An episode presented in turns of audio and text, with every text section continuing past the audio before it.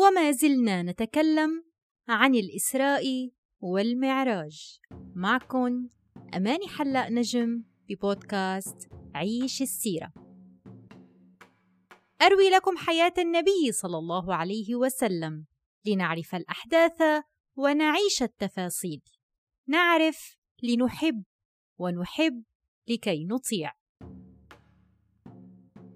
فإذا وصل الحبيب صلى الله عليه وسلم إلى مستوى سمع فيه صريف الأقلام يعني صرير الأقلام صوت الأقلام التي تكتب بها الملائكة. ثم تقدم الحبيب صلى الله عليه وسلم ووصل إلى مقام لم يصله ملك ولا بشر. وكلم محمد ربه وفرضت عليه الصلاة. والسؤال هل رأى سيدنا محمد صلى الله عليه وسلم ربه؟ اختلف الصحابة رضوان الله عليهم بهيدي المسألة. فمنهم من قال نعم رآه ومنهم من قال لا. وعلى كل حال هذه مسألة اجتهادية ولكل منهم أدلته وأقواله وهم أهل الاجتهاد وأهل الاستنباط.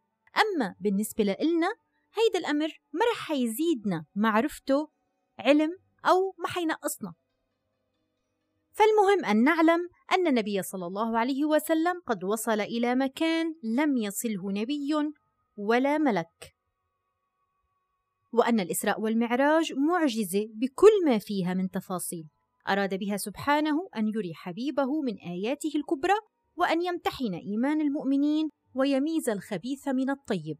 يعني دائما يكون تفكيرنا بالمغزى من الموضوع بالشيء يلي بدنا نستفيده من هذا الأمر.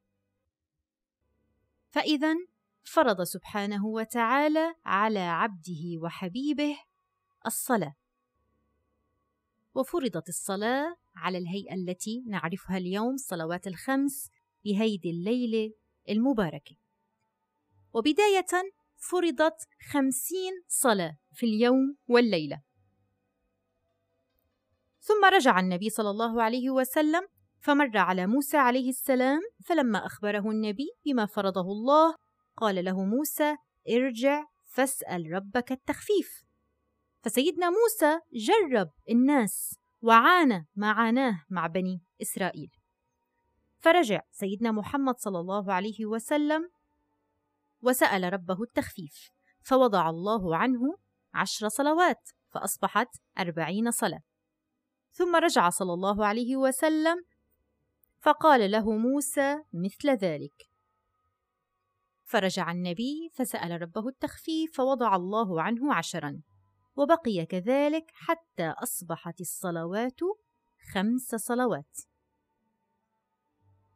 فلما رجع قال له سيدنا موسى أن يسأل ربه التخفيف قال له صلى الله عليه وسلم سألت ربي حتى استحييت ولكني أرضى وأسلم. فنادى مناد أمضيت فريضتي وخففت عن عبادي. هي خمس وهي خمسون لا يبدل القول لدي.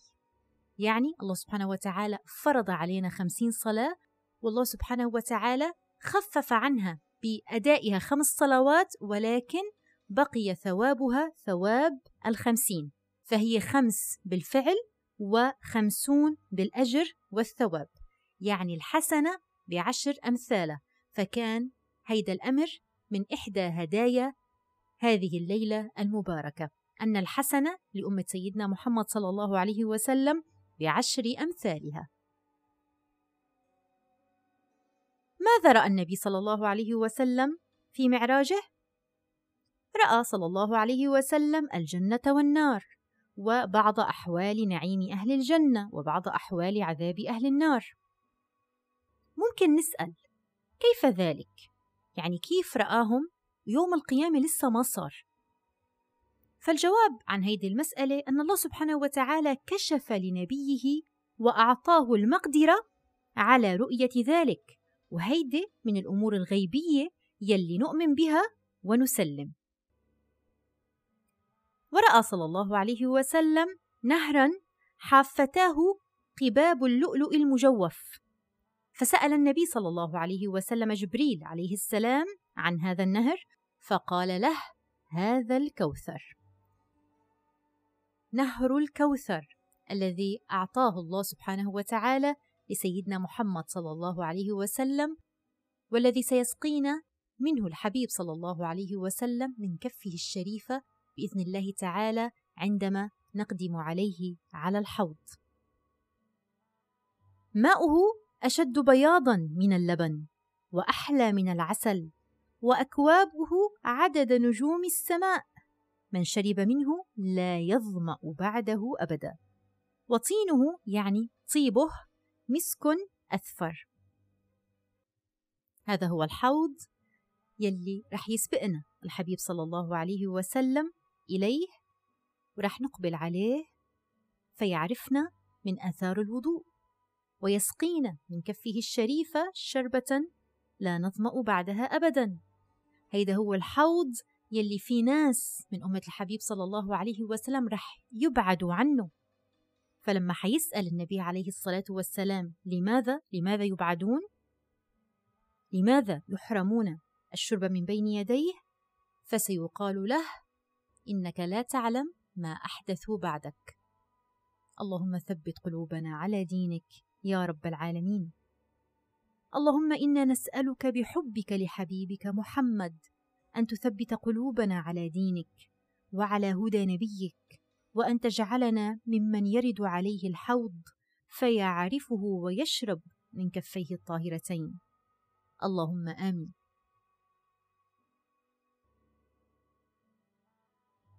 وقفتنا اليوم بعنوان نؤمن ونصدق. كيف كلم محمد ربه؟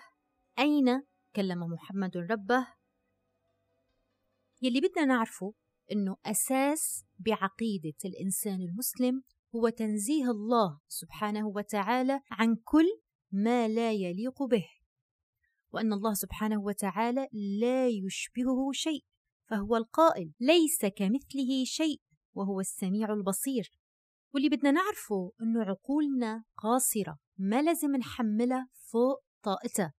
لأنه عقولنا بتفكر بالأشياء بناء على ما عهدته وعرفته سواء من زمان أو من مكان أو من كيفية. فالله سبحانه وتعالى يضع لنا عقيدة قاطعة جازمة تحسم لنا الأمر كله بآيات مثل قوله تعالى ليس كمثله شيء ومثل قوله تعالى هل تعلم له سمية ومثل قوله تعالى ولم يكن له كفوا أحد. فإذا كيف وأين؟ هيدي الأسئلة ما بسأل فيها عن الله سبحانه وتعالى لأنه مهما تخيلت عقولنا أو تصورت فهو سبحانه وتعالى بخلاف كل ذلك. فالسؤال هون طيب أنا مأمورة بأنه أعرف الله. أول ركن من أركان الإيمان الإيمان بالله. طيب كيف سأعرف الله إن كان عقلي قاصر عن معرفة هذه الأمور؟ الجواب نحن نعرف الله سبحانه وتعالى بمعرفة أسمائه وبمعرفة صفاته. لا بأن نعرف ونخوض في أمور لن تنفعنا بشيء وعقولنا قاصرة عنها. فالعقيدة القاطعة يلي لازم نعتقدها بأن الله سبحانه وتعالى ليس كمثله شيء وكل ما خطر في بالك فالله بخلاف ذلك. والأمر الثاني المهم يلي لازم نركز عليه ونطلع منه من هيدي الحلقة هو أهمية الصلاة. الصلاة هي معراج المؤمن إلى ربه. صلة مع الله سبحانه وتعالى. يضع العبد خلالها نفسه بين يدي الله سبحانه وتعالى يشحن طاقته. تزيح همه تريح باله عمود الدين. وهي أول الصلاة ما سنسأل عنه يوم القيامة. فإذا صلحت صلح سائر العمل وإذا فسدت فسد سائر العمل. فلنحرص على الصلاة. الصلاة هي الفريضة الوحيدة يلي فرضت في السماء ويلي وصانا الحبيب صلى الله عليه وسلم فيا وآخر كلمات الحبيب صلى الله عليه وسلم لأمته كانت الصلاة الصلاة. الصلاة يلي كان الحبيب صلى الله عليه وسلم يقول له لسيدنا بلال أرحنا بها يا بلال. العهد يلي بيننا وبين الحبيب صلى الله عليه وسلم هو الصلاة. فمهما شغلتنا الدنيا ومهما غلطنا وبعدنا عن الله سبحانه وتعالى وارتكبنا من ذنوب خلينا نحافظ على الصلاة لأن الصلاة تنهانا عن الفحشاء والمنكر.